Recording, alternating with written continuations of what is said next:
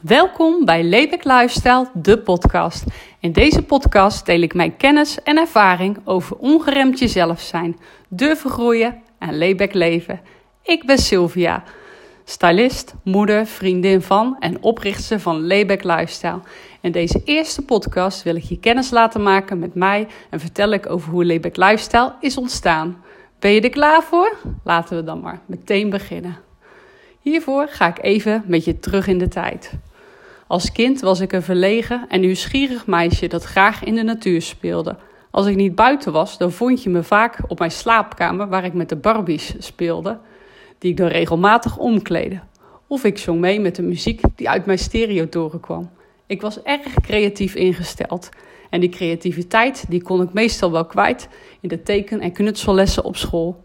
Ik maakte graag dingen met mijn handen. Een andere fijne vorm van creativiteit is voor mij schrijven. In groep 5 maakte ik samen met klasgenoten een eigen schoolkrant met daarin zelfgeschreven teksten en uitgeknipte plaatjes uit roddeltijdschriften. Je kent het wel, die tijdschriften, de Story of de Privé. De interesse voor schrijven had ik toen al.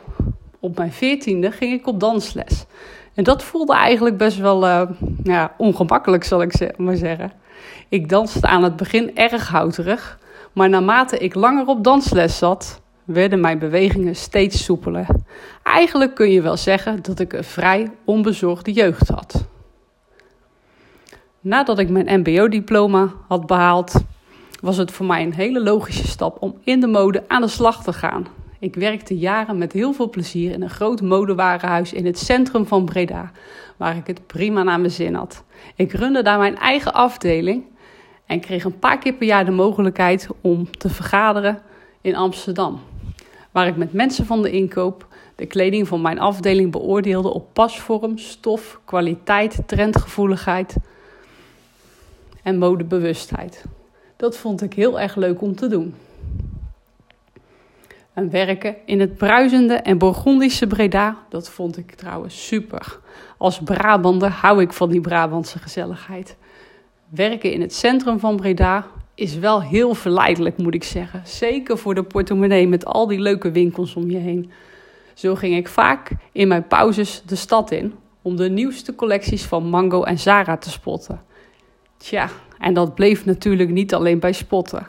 Mijn kledingkast die vulde zich langzaam met kleding uit deze winkels. Toch merkte ik dat na al die jaren dat ik in Breda werkte, toe was aan een nieuwe uitdaging. En ik wilde meer echt contact met klanten hebben. Het liefste wilde ik de klant van top tot teen aankleden en helemaal stylen. Zo herinnerde ik me nog heel goed dat er jaren geleden een vrouw de winkel binnenkwam. Ik weet nog precies hoe dat ze eruit zag. Ze was lang, had mooie rondingen en een volle bos met donkere krullen. De outfit die ze droeg was vrij casual. Ze vertelde me dat ze in een mannenwereld werkte en binnenkort een feest had. En daarvoor wilde ze een mooi pak uitzoeken. Maar tegelijkertijd wilde ze er ook heel vrouwelijk uitzien. Haar doel was om met haar outfit het wow-effect bij haar mannelijke collega's te bereiken. Ze wilde binnenstappen op het feest, zodat haar mannelijke collega's haar nog nooit hadden gezien. Nou, dat was een leuke uitdaging en ik kreeg meteen inspiratie. En ik zocht een passend pak, helemaal passend bij haar figuur. Ik stelde het af met de juiste accessoires en ik zag aan haar stralende gezicht dat dit precies was wat ze zocht. En eigenlijk nog veel meer dan dat. Mede door deze ervaring en omdat ik dichter bij huis wilde werken, ging ik op zoek naar een nieuwe baan. En die vond ik bij de modewinkel waar ik nu eigenlijk nog steeds werk. Ik werk daar als stylist, modeblogger en sinds kort ook als vlogger. Mensen mooier maken dan dat ze al zijn, vind ik echt fantastisch om te doen. De lach en de stralende ogen van een blije klant, dat is voor mij echt onbetaalbaar. En het is mooi om te zien hoe kleding als een stuk ja, als een soort verlengstuk van iemands persoonlijkheid kan werken. En toch gaat het niet alleen om de buitenkant. Want de binnenkant van een persoon vind ik zeker zo belangrijk. En dat ondervond ik zelf ook. En ik zal je proberen mee te nemen in het keerpunt van mijn leven. Dat keerpunt dat, uh, kwam toen ik 22 jaar was. Ik Ik groeide op in een liefdevol gezin en ik leefde mijn leven zoals ik dacht dat het goed was. Ik had leuke vrienden, ik ging regelmatig uit en ik genoot van mijn baan in de mode. Tot zover niets aan de hand, zou je denken. Maar daar kwam verandering in. En die verandering, dat was toen mijn moeder overleed. Ze is aan kanker overleden. En tijdens een periode van rouw en enorme drukte op mijn werk kwam ik thuis te zitten. Het altijd maar aanstaan en doorgaan terwijl er verdriet was, dat zorgde er bij mij voor dat mijn lichaam blokkeerde en mijn hoofd vol onrust kwam te zitten. En als ik goed geluisterd had naar mijn lichaam, dan had ik kunnen weten dat het niet goed met me ging. Maar ik luisterde niet. Ik negeerde de moeheid. Ik negeerde mijn slaapproblemen, mijn spieren die vastzaten en mijn hoofd dat overliep van de gedachten. In plaats van stil te staan, ging ik gewoon door. De wereld draaide door, dus ik ook. Tenminste, zo dacht ik daarover toen. Totdat ik door mijn rug ging en een paniekaanval in de trein kreeg. Dit was een teken voor mij dat ik echt iets moest gaan veranderen. De energie die altijd leek te stromen door mijn lichaam, die was gewoon helemaal weg. En de blik in mijn ogen was leeg als ik voor de spiegel stond. Ik voel, ja, het voelde voor mij eigenlijk alsof ik een hele lege huls was. Interesses voor mode en andere dingen waar ik plezier aan beleefde, die waren ook ineens allemaal weg. En ik snapte helemaal niet hoe dat het kon. En ik was bang dat het ook helemaal niet meer terug zou komen. Ik voelde me heel erg alleen in dat gevoel. En wie was ik? Wie was ik zonder mijn moeder, die ik regelmatig om advies vroeg? Eén ding was me wel duidelijk geworden. Ik moest de tijd gaan nemen om te herstellen. En ik moest goed voor mezelf gaan zorgen. Ik ging daarom op verschillende vlakken met mezelf aan de slag. En de zoektocht naar mezelf begon. Om mijn lichaam sterker te maken, ging ik sporten. Ik ging zwemmen en ik ging weer op dansen. En dat was salsa dansen.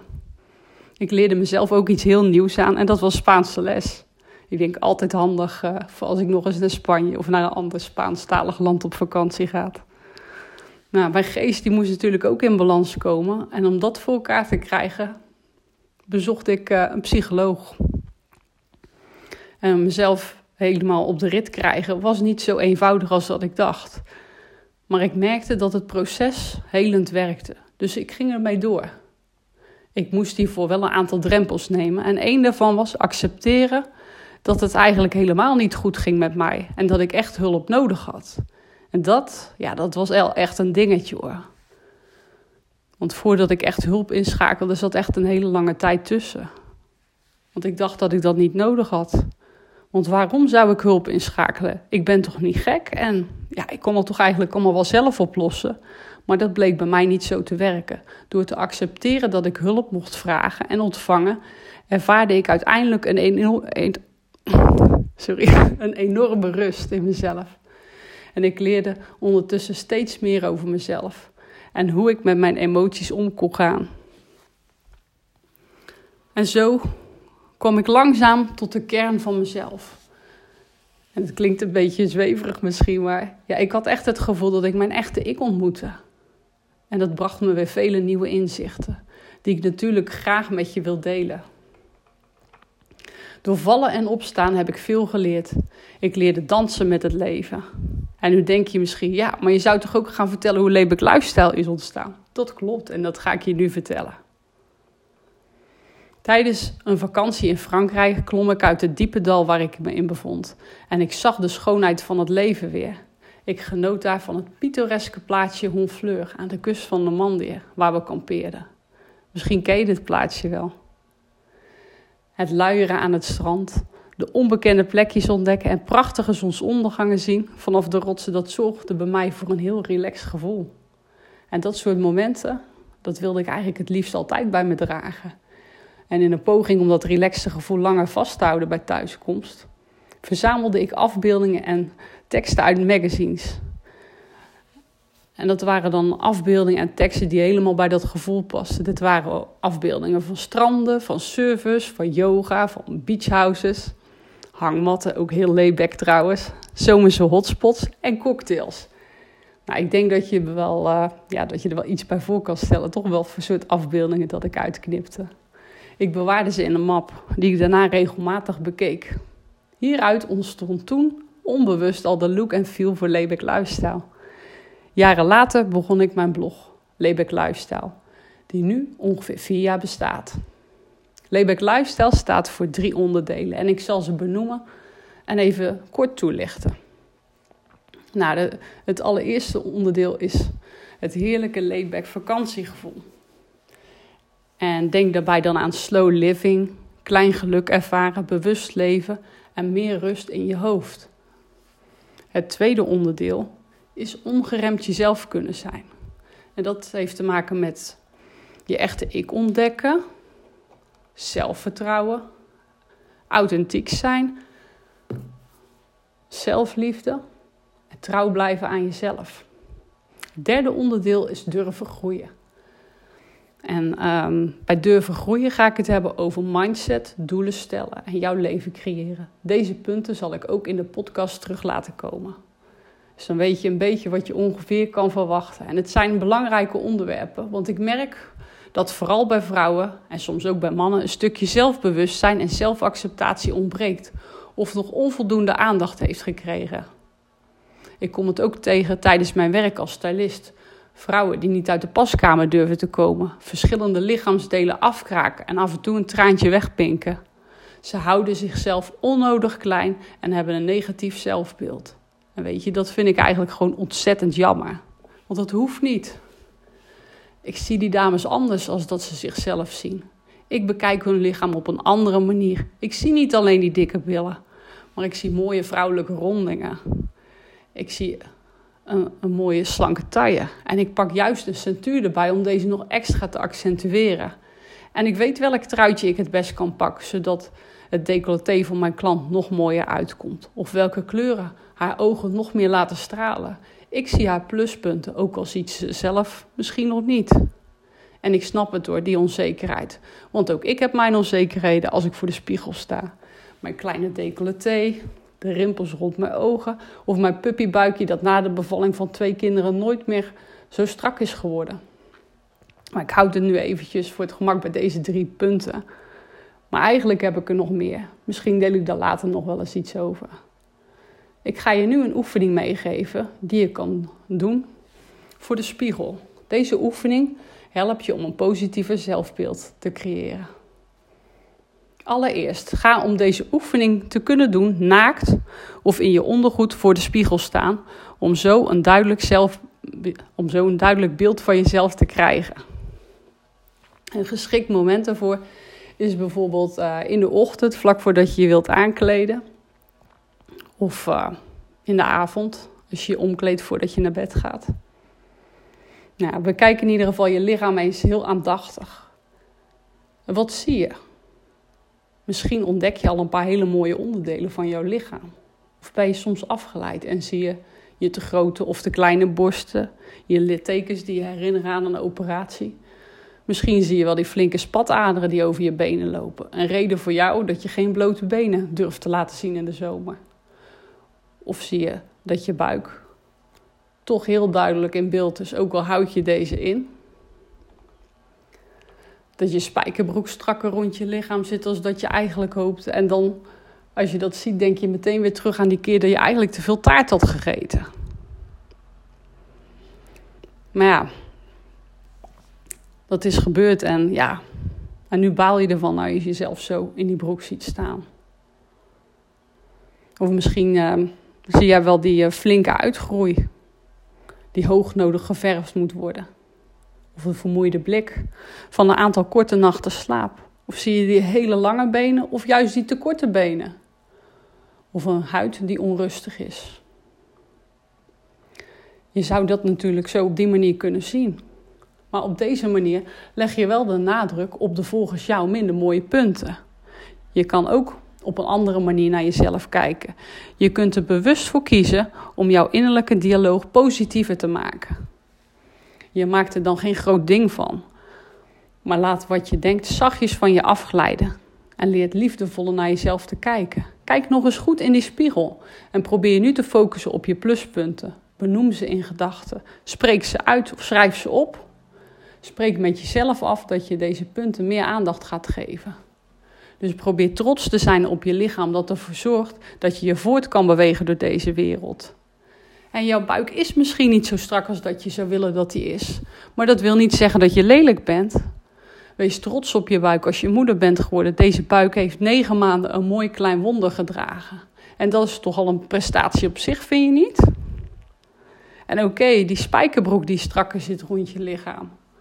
Je hebt dan wel veel taart gegeten afgelopen week. Maar dat wil niet zeggen dat je daardoor, ja, dat daardoor je, je broek gelijk strakker zit. En ik hoop wel, als je dan die taart gegeten hebt, dat je ervan genoten hebt. En de volgende keer als je trek krijgt, dan pak je vast wel weer iets gezonds. En je haar met een uitgroei. Weet dat veel mensen dat op dit moment hebben. Hallo coronatijdperk, zullen we maar zeggen. Weet dat het niet voor altijd is. En wil je toch iets veranderen? Bestel dan bij de kapper jouw haarkleurnummer. En ga met de goede gebruiksaanwijzing zelf aan de slag. Heb ik ook gedaan. En dat, uh, ja, dat ging eigenlijk best goed. En de littekens die je ziet, zie dat niet als iets uh, ergs of lelijks. Maar zie, het, uh, zie die littekens als een, een redding van je leven misschien wel. Als je niet, geopereerd, uh, als je niet geopereerd had geweest, hoe had het dan geweest? En zie ook jouw stralende glimlach en de lachrimpeltjes rond je ogen. Die je dan ziet als een herinnering aan dat je regelmatig plezier hebt gehad. Het is, ja, door op een andere manier naar jezelf te kijken, kan het al zo'n ander effect hebben. Of zie die mooie felle blauwe ogen, of die lieve sproetjes.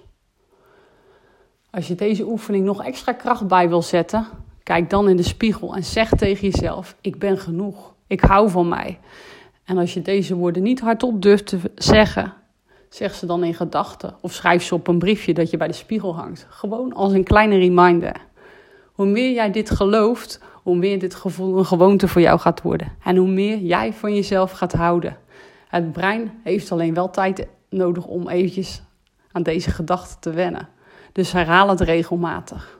En vergeet niet dat je natuurlijk boos mag zijn op jezelf. En dat je mag balen. Maar probeer het om te buigen naar iets positiefs. En kijk dan wat er verandert. Nou, dat was het even qua uiterlijke onzekerheden. Ook qua innerlijk kunnen we onzeker zijn. En dat wordt vaak opgelost door een masker op te zetten. Een masker dragen voelt lekker veilig. Want ja, wie kan jou nou iets doen?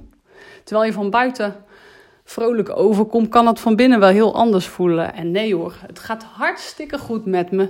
Nou ja, typische gevalletje van ze helpt, maar ze lacht, zullen we maar zeggen.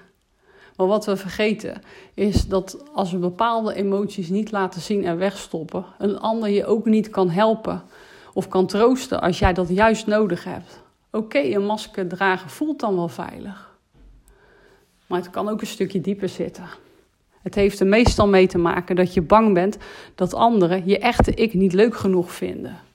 Of dat je jezelf nog niet geaccepteerd hebt als de persoon die je werkelijk bent. Is het herkenbaar voor jou? Voor mij wel. Ik heb ook een aantal van deze voorbeelden zelf ervaren. En niet dat ik nu nooit meer een masker opzet, hoor, maar ik durf mijn masker af en toe te laten zakken. En dat voelt ontwapenend, het voelt vrij. En ik kijk nu bewust naar situaties en neem de verantwoordelijkheid over mijn leven. Door je meer bewust te worden van wie je echt bent en wat je wilt, sta je luchtiger in het leven. Kun je jouw grenzen bewaken, word je zelfverzekerder en ervaar je minder stress. Je zit daardoor lekkerder in je vel. En dromen, die lijken veel makkelijker te realiseren. Simpelweg omdat je al een hele mooie basis hebt opgebouwd. En die basis is het geloof in jezelf. Mijn missie met Leeuwik Lifestyle is om jou meer te, te laten vertrouwen op jezelf. Zodat je durft te groeien en je echte ik vol trots durft te laten zien en te omarmen. En als je jezelf dan ook af en toe nog een layback momentje gunt om op te laden, dan ontstaat er pas een mooie balans.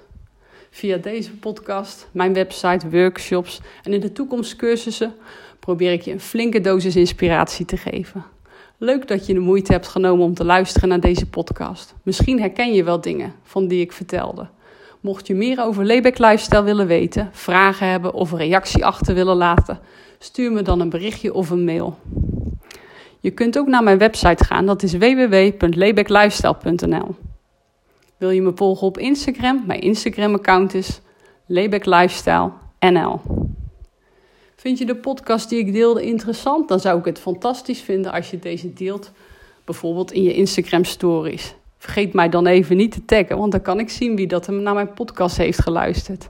Of misschien ken je wel mensen waarvan je denkt dat die deze podcast heel goed kunnen gebruiken. Tip ze dan hierover. Op deze manier kan ik nog meer mensen inspireren met mijn kennis en ervaringen over layback leven, durven groeien en ongeremd jezelf zijn. Voor nu bedankt voor het luisteren en tot de volgende podcast.